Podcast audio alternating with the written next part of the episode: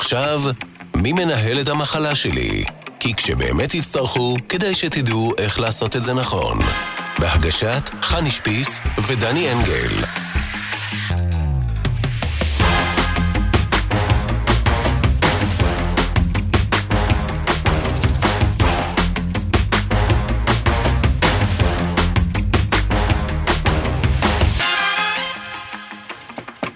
שלום רב למאזינים, ותודה שהצטרפתם לפרק נוסף בסדרת מי מנהל את המחלה שלי.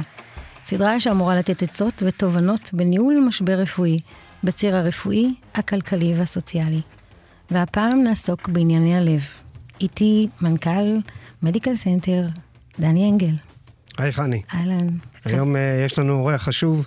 פרופסור עמית שגב, מנהל המערך הקרדיולוגי של תל השומר שיבא. אני רוצה לתת לך קצת נתונים, אוקיי? אגודת הלב הישראלי, העמותה הגדולה בישראל, שתומכת במטופלי לב ובקידום המודעות הציבורית, בדקה עד כמה ישראלים מודעים לסיכון ולהיקף מחלות הלב. הסיכון למחלות הלב, מסתבר שהתוצאות היו קצת מפתיעות.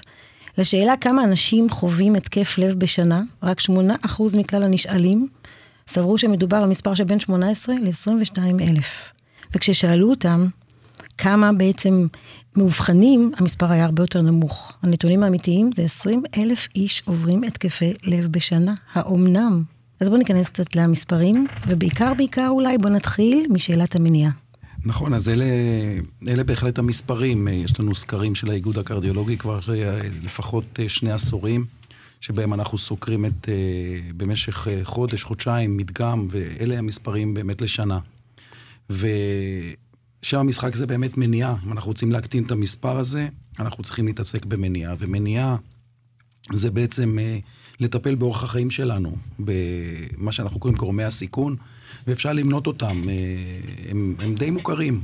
זאת אומרת, כולנו יודעים, זה עישון ופעילות גופנית ומחלות כמו סוכרת ויתר לחץ דם ויתר כולסטרול בדם. כל הדברים האלה הם מה שאני קורא אה, גורמי סיכון שהם אה, ניתנים לשינוי או ניתנים לטיפול, ואפשר לטפל בהם, אפשר גם לאתר אותם מוקדם. ויש גורם סיכון אחד שאי אפשר לטפל בו, זה הגורם המשפחתי הגנטי, אנחנו לא יודעים לאתר איזשהו גן ספציפי, אבל אנחנו כן יודעים שיש נטייה משפחתית מאוד מאוד חזקה, שמה שזה אומר זה שמי שיש לו את הנטייה המשפחתית, ואיך אנחנו מגדירים את זה? מגדירים מי שבקרבת המשפחה הראשונה שלו, גבר מתחת ל-55 ואישה מתחת ל-65, חווה אירוע לב, זה אומר שהמשפחה הקרובה שלו, מה שנקרא מועדת לפורענות. והקבוצה הזאת היא גורמי הסיכון שמניתי קודם, הם בעצם מתעצמים. אנחנו קוראים לזה אפקט סינרגיסטי, שיש גם וגם, שיש אחד ועוד אחד, הם לא שווים שניים, הם שווים לפעמים חמש ואפילו לפעמים עשר. זאת אומרת, אם יש אדם שיש לו סיפור משפחתי משמעותי, והוא גם מעשן, והוא גם שמן, וגם יש לו סוכרת לא מאובחנת, אז זה לא אחד ועוד אחד ועוד אחד שווה שלוש, אלא זה הרבה יותר. ולכן אה, אותו גורם סיכון, שהוא לא ניתן לשינוי הגנטי, אה, אה, כאשר הוא מתלווה לגורמי הסיכון הקונבנציונליים, שהם מה שאנחנו קוראים modifiable, הניתנים לשינוי, אז זה מתעצם הרבה יותר. כמה אחוזים זה? אתה יכול להגיד לי פחות או יותר מתוך חולים, כמה זה גנטי, כמה זה היסטוריה משפחתית וכמה... זה, זה משתנה בהתאם לגיל. כשאנחנו מקבלים אלינו אה, לבית החולים אנשים צעירים, בעיקר אנשים צעירים, ותתפלאו, אפילו מתחת לגיל 40. לפני 20 שנה, כשהייתי מתמחה, 30 שנה שהייתי מתמחה, אז כשהיינו מקבלים גבר בן 40 לבית החולים עם התקף לב, אז היינו קוראים לכל הסטודנטים ולכולם לראות אותו, ווואו, תראו, בן 40, מה, מה זה, מה זה יכול להיות? היום אנחנו בכלל לא נופלים מהכיסא, היום זה מה שנקרא לחם חוקנו, אנחנו רואים את זה על בסיס יומי. אנשים צעירים שמקומיים מאירועי לב. ופה אה, הגורם הגנטי הוא משחק תפקיד, ויש עוד גורם, זה כמעט כולם מעשנים. אה, זה, זה מתלווה לגורם הגנטי. כאשר אנחנו מקבלים מטופלים עם התקף לב בגילאים המבוגרים, 70 פלוס זה פחות גנטי. אי אפשר לדבר על גנטיקה במישהו בן 80 שבא עם התקף לב. אז זה, זה בהתאם לגיל. מאוד מאוד נפוץ, כמובן, בקרב האוכלוסייה הצעירה. אבל מחלות לב זה לא רק התקף לב. נכון. רוב הטיפולים שלכם הם לא... רוב הטיפול... יש הרבה יותר טיפולים שמתעסקים בלב מאשר התקפי לב. אז מתי אני בעצם בכלל פונה לקרדיולוג? ומה עם האינדיקציות? נניח שאני שומר על אורח חיים בריא, או לא שומר על אורח חיים בריא, מהי הנקודה שבה אני צריך להחליט, אוקיי, עכשיו אני הולך לקרדיולוג. וגם כשאני הולך אליו, יש לכם אין סוף בדיקות. אני מקבל טלפונים, אנשים רוצים לעשות צנתור וירטואלי, אם קוראים לזה, CT לב, או אקו, או ארגומטריה, או כל הבדיקות האלה. בוא תעשה לנו קצת סדר במהם הבדיקות, איזה קרדיולוגים יש, כי יש קרדיולוגים ויש מנתחי לב, ויש קרדיולוגים invasive ו non-invasive. זה די רחב כל הסיפור הזה. בהחלט. אז קודם כל בוא, בוא נדבר רגע על הסימפטומים, שמחייבים אה, שתדלק איזושהי נורה אדומה באנשים שהם כביכול בריאים. אז אפשר להגיד, אסור פעם, אסור ברפואה לדבר גורף, 100% מהפעמים, אבל בדרך כלל, סימפטומים שקשורים למחלות לב, והאמת היא שזה די אוניברסלי, זה כמעט כל מחלות הלב כך, למעט אולי הפרעות קצב, נדבר אולי על זה גם, אה, הם קשורים למאמץ. זאת אומרת, סימפטומים שהם יכולים להיות כמו כאבים בחזה, או עכשיו, כאבים בחזה זה גם משהו מאוד מאוד כזה, כל, כל מטופל מתאר את זה טיפה שונה. זה כאבים בחזה, אחד אומר שזה אי נוחות בחזה, אחד זה יותר דוקר, אחד זה השני יותר לוחץ, זה מקרין לכל מיני מקומות, אבל תמיד זה קשור במאמץ. או קוצר נשימה במאמץ, או, או מטופל שבא ומדווח, יש לי פשוט ירידה ביכולת המאמץ, הייתי רגיל, אפילו, אפילו אנשים ספורטאים, הייתי רגיל לרוץ עשרה קילומטר מדי יום או, פעם, או שלוש פעמים בשבוע, אני לא מסוגל לעשות זה יותר. זה חייב להדליק נורה אדומה. ופה חייבים להגיע באיזשהו שלב לקרדיולוג, ומבחינת הרבדים שמטפלים במחלה, או להתחיל לאתר את המחלה, זה כמובן, זה תמיד מתחיל ברפואת המשפחה. רופא המשפחה צריך לראות את המטופל, בדיוק לחשוד בסימפטומים האלה, ומהר מאוד צריך לראות קרדיולוג. אה, ופה הבירור הוא, הוא מאוד, אנחנו אוהבים היום לדבר על רפואה מותאמת אישית. ופה הקרדיולוג בעצם מתרשם מהתסמינים, מגורמי הסיכון, מהגיל, מהמון המון מחלות רקע ו- ו- וכמובן תלונות החולה, ועושה כמו טיילור מייד כזה של הבירור שצריך לעבור. אני אתן לך דוגמה. אם בא בן אדם בן 50, והוא מתאר, בא לקרדיולוג ואומר, תשמע, אני בריא לחלוטין, אבל בשלושה שבועות האחרונים, בכל פעם שאני הולך 200 מטר, 300 מטר, יש לי לחץ בחזה. לא צריך פה שום בירור. הבדיקה הבאה שהאיש הזה צריך לעשות הוא חדר צנתורים, צנתור לב. לא צריך לא בדיקות מאמץ ולא מיפוי, ולא את כל הסופיסטיקייטד טסט האלה שאנחנו עושים לאנשים. לכן אני אומר, חייבים לשמוע את הסיפור של החולה. ואם יש מטופל אחר שמתאר סימפטומים טיפה שונים, אם יש איזשהו סימן שאלה, אז יש לנו המון המון בדיקות לעשות לחולים האלה. יש מה שאנחנו קוראים בדיקות מאמץ. התחלתי בזה שזה קשור במאמץ, לכן אנחנו עושים בדיקה במאמץ, כי אנחנו רוצים לעשות את הפרובוקציה שתגרום לחולה לסימפטומים, ולראות מה קורה בלב שלו באותו זמן. אז יש בדיקות אקו, לב במאמץ, ויש מיפוי לב במאמץ, ויש מבחן מאמץ רק עם אק"ג, שהאמת הוא לא נותן שום דבר, ואני אף פעם לא ממליץ לעשות אותו כבירור. אבל יש בדיקות מאמץ משולבות הדמיה, כמו שאמרתי, אקו ומיפוי. בדיקות מצוינות, הן לא מאה אחוז מדייקות, צריך לג... גם לקחת את זה בחשבון. יש ברפואה מה שנקרא חיובי כוזב ושלילי כוזב, ותמיד צריך לקחת את זה בחשבון, בשביל זה הקרדיולוג פה גם הוא קלינאי. וגם בדיקה חיובית לא אומרת שהיא חיובית, ובדיקה שלילית לא אומרת שהיא שלילית. אז ו... כמה בעצם הבדיקות האלה יודעות לנבא אה, כשבן אדם הוא אסימפטומטי, בלי סימפטומים? תראה, כש... כשאיש הוא אסימפטומטי זו בעיה. וזה נושא שלם של מהי מה בדיקת הסקר האולטימטיבית. כי, כי כשיש, נשים הולכות לממוגרפיה. נכון. הן הולכות בצורה אקטיבית לממוגרפיה. נכון. אה, אנחנו הולכים לעשות קולונוסקופיה. אנחנו הולכים בצורה אקטיבית לגסטרואנטרולוג לעשות קולונוסקופיה. אין בדיקות לב שגרתיות, בדיוק. האקטיבית שאני צריך לעשות בשביל ללכת לקרדיולוג כדי לנבא ולדעת שאולי יש לי שנה או שנתיים שקט. אז, אז בקרדיולוגיה אין כזו בדיקה. לפחות, לפחות אין כזו בדיקה שהיא מבוססת מדע, מה שנקרא, מה שאנחנו קוראים evidence based. ואנחנו אוהבים ברפואה לעשות דברים שהם מבוססים על מחקר. אז קולונוסקופיה מוכח וממוגרפיה מוכח. בקרדיולוגיה זה פחות. בעצם הגילוי המוקדם הוא יותר לנהל את גורמי הסיכון. זה מה שחשוב. עכשיו, אם מישהו יש לו את גורמי הסיכון, ובכל זאת הוא רוצה לאתר מוקדם מחלה כלילית, יש לנו היום כלי מצוין, וזה פחות בדיקות המאמץ בחולה האסימפטומטי, כמו שאתה אומר. בדיקות המאמץ לא מנבאות בכלל.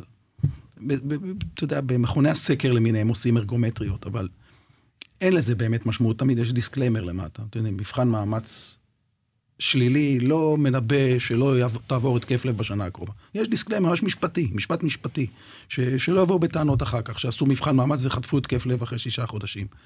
אבל כלי שהולך וצובר תאוצה, אה, בשביל לאתר מחלה, היא בעצם בדיקת ה-CT לב, או ה-CT הקורונרי, שהוא מתחלק בעצם לשנה, לשתי בדיקות. יש בדיקה חלקית, הייתי קורא לה, שזה בסך הכל בדיקת, זה one shot כזה, שמסתכל על עורקי הלב ובסך הכל נותן כימות של כמות הסיד שיש בעורקים הכליליים, וזה נותן לנו איזשהו מרקר. הקלציום סקור. הקלציום סקור.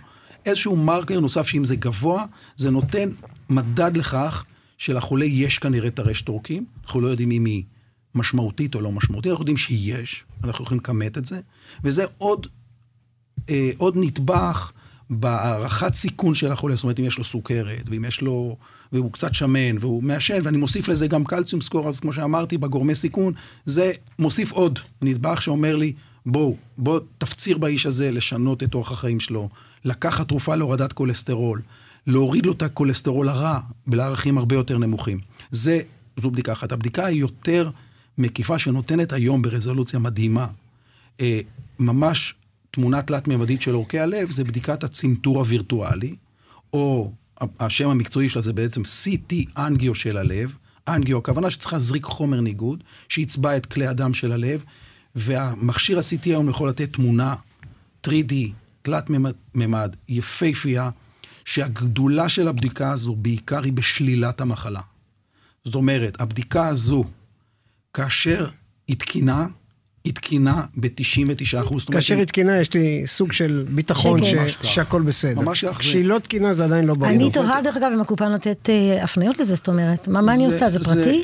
זה גם וגם. זאת אומרת, יש מצבים שהקופה נותנת, למשל, באיש עם גורמי סיכון משמעותיים, עם, אפילו בהיעדר סימפטומי, אבל יש נגיד אם, אם הוא מתלונן על תסמינים לא ספציפיים, כן. אבל אם יש בחור בן 50, סוכרתי וכולסטרול וסיפור משפחתי, והוא גם שמן ומעשן, ויש הרבה גורמי סיכון, והוא לא מתאר סימפטומים, או שהוא מתאר סימפטומים לא ספציפיים, מה שאנחנו קוראים, הקופה כן תאשר את הבדיקה, okay. אוקיי. וכמובן שאפשר לעשות את הבדיקה בכל מיני מכונים. באופן פרטי, mm-hmm. וזה הולך ותופס תאוצה. כל חברות הביטוח, אני חושב שאין יש גיל מסוים שהיית כן. ממליץ ממנו והלאה לעשות את הבדיקה הזאת באופן אקטיבי, גם אם אני לא סימפטומטי? או עם גורמי סיכון? קשה לי לנקוב בגיל ספציפי, אני לא רוצה להגיד עכשיו, אוקיי, מעל גיל 40, 45, 50, זה אינדיבידואלי, וזה תלוי בגורמי הסיכון, כמו שאמרתי. כלומר, אם יש, אם יש הרבה גורמי סיכון, אז הייתי עושה את זה בגיל צעיר יותר. ויש גיל שמעליו הייתי אומר לא לעשות את הבדיקה, נגיד מעל גיל 70-75 כבר אין כל כך משמעות לבדיקה הזאת, כי הבדיקה קצת נותנת לנו אה, קצת ארטיפקטים, קצת אה, חיובי כוזב, מה שאנחנו קוראים.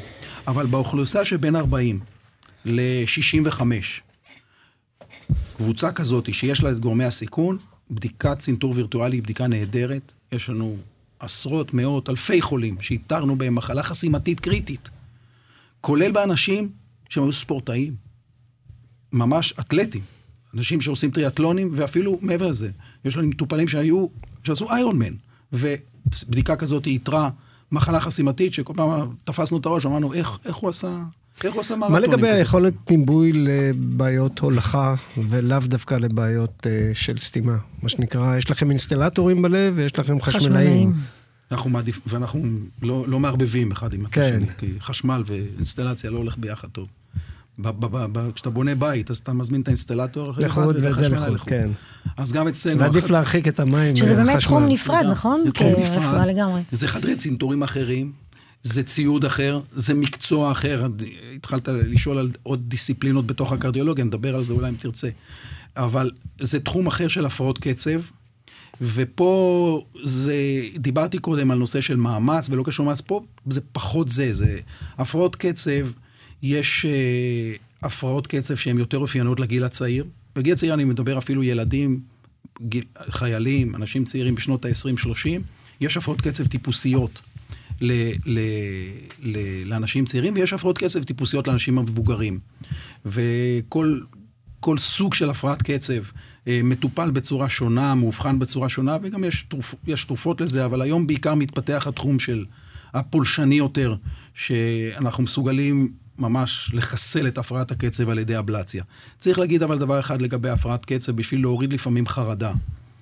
כש, כש, כשמישהו מתלונן על הפרעת קצב, וכרגע לא משנה מה סוגה, אנחנו דבר ראשון מסתכלים אם מדובר באדם עם לב בריא או לב לא בריא. וזה עושים בבדיקת אקו לב פשוטה. אם האקו לב תקין ואין מחלה מבנית של הלב, בדרך כלל, להפרעות הקצב אין משמעות מהבחינה של פרוגנוזה. זאת אומרת, זה לא מסכן חיים. זה מפריע, זה מציק, זה גורם ל, ל, להפרעה באיכות חיים. ואנחנו גם, זה חשוב, אנחנו מטפלים בזה, אבל זה לא מסכן חיים. להבדיל מחולים שיש להם כן מחלת לב, הם באי ספיקת לב, יש ירידה בתפקוד הלב, יש להם כל מיני מחלות של שריר הלב, בחולים האלו, אה, להפרעות קצב יש משמעות גדולה, צריך לטפל בהם אקטיבית, צריך לאתר אותם, ויש לנו בדיקות אולטר שונות שאנחנו מנסים לאתר אפילו אקטיבית את הפרעות הקצב, ויש מצבים קיצוניים שאנחנו אפילו שמים מכשיר בהפרעות קצב מסכנות חיים, שזה מכשיר מניעתי, דפיברילטור מניעתי תת-עורי בשביל אה, בעצם למנוע דום לב באותו חולה. אז אני רוצה, אני רוצה, כדי שנספיק בשידור הזה, גם לדבר על לי בתור מלווה אירועים רפואיים מהסוג הקרדיולוגי, הכי קשה עם רצף טיפולי של אחרי. בוא נדבר שנייה אחת על, אוקיי, אובחנתי, אני חולה, עברתי מעקפים, עברתי צנתור, עברתי whatever. אני מוטרדת נורא מהאחרי. כי אתה יודע, בחצי שנה הראשונה הם עוד לוקחים תרופות, הם עוד נבדקים, ואז מתחיל תהליך שבו בוא נדחיק את זה. אני אחדד טיפה... אני רוצה לדבר על אחרי איך באמת כן, אני אחדד טיפה את חני. הפודקאסט הזה עוסק בניהול מחלה. הכירורגים וגם הקרדיולוגים האינבזיביים, רואים את החולים, אה, האינבזיביים זה התערבותי. כן. אה, רואים את החולים לרגע מסוים בחיי המחלה, מטפלים במה שצריך, ואחר כך הוא חוזר לחיות עם עצמו. עכשיו, להבדיל מהרבה מקצועות כירורגיים, אה, לפעמים הניתוח הוא סיום הטיפול. במקרה של לב יש הרבה מאוד השלכות שאני צריך להמשיך אחר כך, אה, וזה מלווה אותי אחר כך. מי, מי מלווה אותי? איך אני מנהל את זה? מול מי אני מתנהל? קודם כל... מי מאזן אותי תרופתית? אין סיום טיפול. ניתוח לב זה לא, זהו, עשיתי ניתוח לב, אני בריא, שכחתי, לא צריך לבוא למעקב, לא צריך אף אחד שינהל את המחלה שלי. אבל ניתוח שבר אורתופדי למשל, זה בדרך זה... כלל מסתיים אחרי כמה נכון, שבועות. נכון, אז, אז בקרדיולוגיה זה לא כך. זה צריך maintenance בעצם לכל החיים. וזה, וזה, ואני אומר את זה באופן גורף. עכשיו, לגבי כירורגיית לב, אתה צודק. הכירורגים זה, זו דיסציפלינה חשובה שעושה את הניתוח, ובעצם הכירורג עושה את הפוסט-אופרטיב של הניתוח 30 יום, ובעצם מחזיר את החולה לקרדיולוג.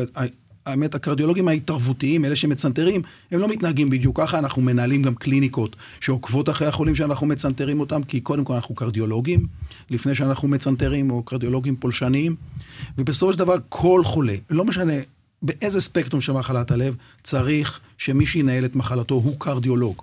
זה יכול להיות קרדיולוג קהילתי, מה שנקרא קליני, זה יכול להיות קרדיולוג מומחה, אם בעייתו דורש התייחסות כרונית של מומחה לספיקת לב, מומחה למחלות מסתמים, מומחה אה, למחלות אה, כליליות כמו מצנתר, צריך maintenance לדבר הזה. זאת אומרת, הכלל האצבע שלנו, אם עברת אירוע לב, או עברת איזושהי פעולה שתמנע את האירוע לב, מאותו רגע for life, for life, אתה צריך להיות אצל קרדיולוג במעקב. חד משמעי. יותר אינטנסיבי, פחות אינטנסיבי, אבל אנחנו חייבים להיות שם. לגמרי. לא רק רופא משפחה. חד משמעי. זה לא יספיק. חד משמעי. רופאי המשפחה לא מרגישים נוח לעשות מיינטננס לחולה הלב באופן, הייתי אומר, אפילו גורף. הם רוצים את, ה, את המכתב, את הסיכום, את ההמלצה השנתית או דו-שנתית מהקרדיולוג. אז בעיקרון, חולה לב שעבר אה, טיפול נכון, חוזר לשגרת חיים רגילה, להבדיל מה שנקרא התחזוקה, מיינטנס, התרופות והדבר הזה.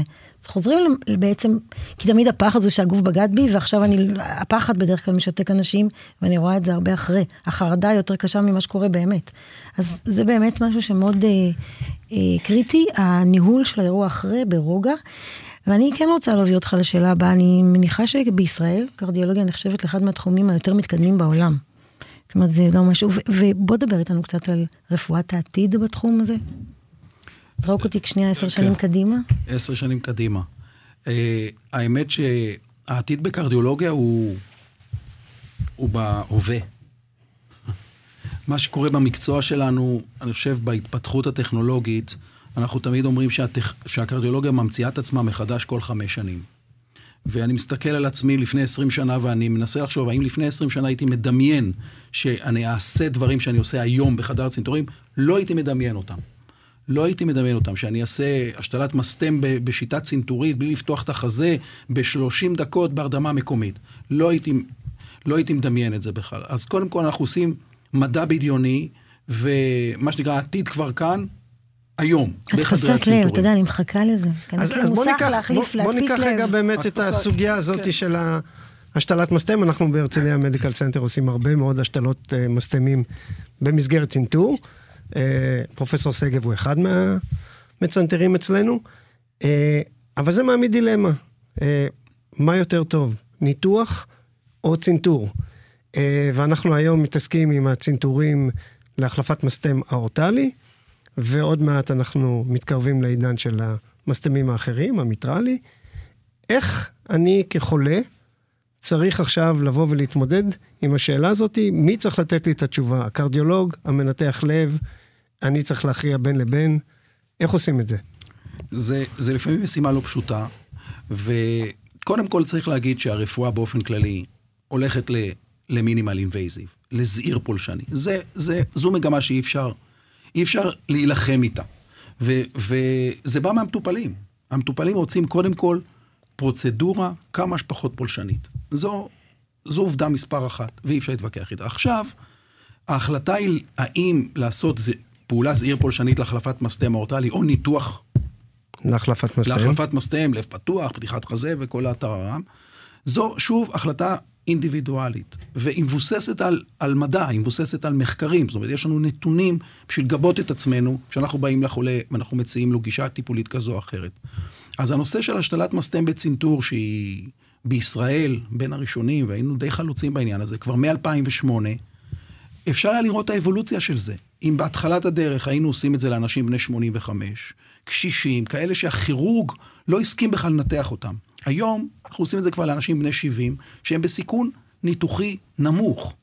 ואנחנו לפעמים, ישנם מטופלים שיכולים לעבור גם את זה וגם את זה, והם יושבים גם מול הקרדיולוג, שאגב, מי שמנהל את האירוע הזה זה הקרדיולוג. הכירורג נותן את חוות דעתו הנקודתית לגבי האופציה הניתוחית, בסופו של דבר, אחרי שהחולה ואני מדבר על החולים הגבוליים האלה, שיכולים לעשות גם זה וגם זה, נגיד, אנשים שהייתי אומר בין, בין 65 ל-70 פלוס כזה. כי היום, מעל גיל 70, אנחנו די כבר החלטנו שהדיפולט הוא פעולה צנתורית. מתחת לזה, מכל מיני סיבות, אין לנו כל כך זמן להיכנס, להיכנס לכל השיקולים, מתי לעשות ניתוח ומתי לעשות צנתור, אבל אנחנו בעצם... משקפים לחולה את הנתונים. כבר הקרדיולוג. הקרדיולוג. לא, עוד לפני המנתח אפילו. קודם כל זה הקרדיולוג, כי צריך לזכור, גם כשחולה הולך לניתוח, מי שקובע את האינדיקציה לניתוח זה הקרדיולוג שלו. הקרדיולוג קובע את זה. זאת אומרת, מי שיוזם את הפנייה לכירורג, זה הקרדיולוג. דיברנו על ניהול מחלה, מי שמנהל את האירוע הזה, זה הקרדיולוג. אז מקבלים נקודתית את חוות דעתו של הכירורג לגבי אופציה ניתוחית. זה יכול להיות בהחלפת מסתם אורטלי, זה יכול להיות בניתוח מעקפים לעומת פתיחה של עורקים בצנתור, זה יכול להיות תיקון מסתם מיטרלי בכירורגיה לעומת תיקון או החלפת מסתם מיטרלי היום גם בצנתור. היום אנחנו עושים גם את המסתם הטריקוספידלי, המסתם התלת-סניפי של הצד הימני של הלב. אפרופו עתיד, זה התחיל וזה... אז אם אנחנו מסכמים את הנקודה הזאת, אז אנחנו אומרים כזה דבר. עדיף לא לעשות ניתוח כשאפשר לא לעשות ניתוח. נכון. צריך לשאול את השאלה, האם המעבר הוא מעלה את הסיכונים או מוריד אותם. בהחלט. זה בסופו של דבר מה שהחולה צריך. אם יורשה לי שאלה אחת להדרן, אני לא יודע, אנחנו לקראת הסוף. כן, אפשר, שאלה אחרונה. שאלה אחת להדרן. כי דיברנו פה הרבה על גורמי סיכון, לא רוצים שאנשים ירימו דגל לבן. בסופו של דבר, נניח שיש מישהו שהוא עונה לקריטריונים של גורמי סיכון, השמנה, עישון, טה-טה-טה-טה-טם, והוא רוצה לקחת את עצמו בידיים. האם הוא יכול להחזיר מדדים אחורה של סוכרת, של לחץ דם, של כולסטרול? האם יש דרך לעשות את זה חזרה? האם שווה את המאמץ? התשובה היא חד משמעית כן, זה ברור. כמו שאמרתי, כל הדברים האלה הם modifiable, והם כולם ניתנים לשינוי ולשינוי ואפילו לרוורסיה. אפשר אפילו באיש, באיש שמן, שיש לו סוכרת ולחץ דם, עצם הירידה במשקל תרפא אותו משתי המחלות האלה. תפחית לו את הסיכון לאירוע לב עתידי בעשרות אחוזים. כך ש, שהדבר הזה בוודאי שהוא מומלץ, בוודאי שהוא ניתן לעשייה, ו, ואין ספק, סטטיסטית, זה, זה נותן את התוצאות. אז אה, בשורה, בואו נסיים את הפודקאסט הזה הבשורה, בבשורה לאכול שהיא בריא, לעשות מרגיעה את כל מי ספורט, שעכשיו להוריד נכנס להתקף במשקל. חרדה, שאירועי לב ניתן בהחלט למנוע. בהחלט. תודה ענקית לך, פרופסור. תודה לכם. תודה רבה. תודה לך, תודה. דני. ושניפגש רק בבריאות. מי מנהל את המחלה שלי? כי כשבאמת תצטרכו, כדאי שתדעו איך לעשות את זה נכון. בהגשת חני שפיס ודני אנגל.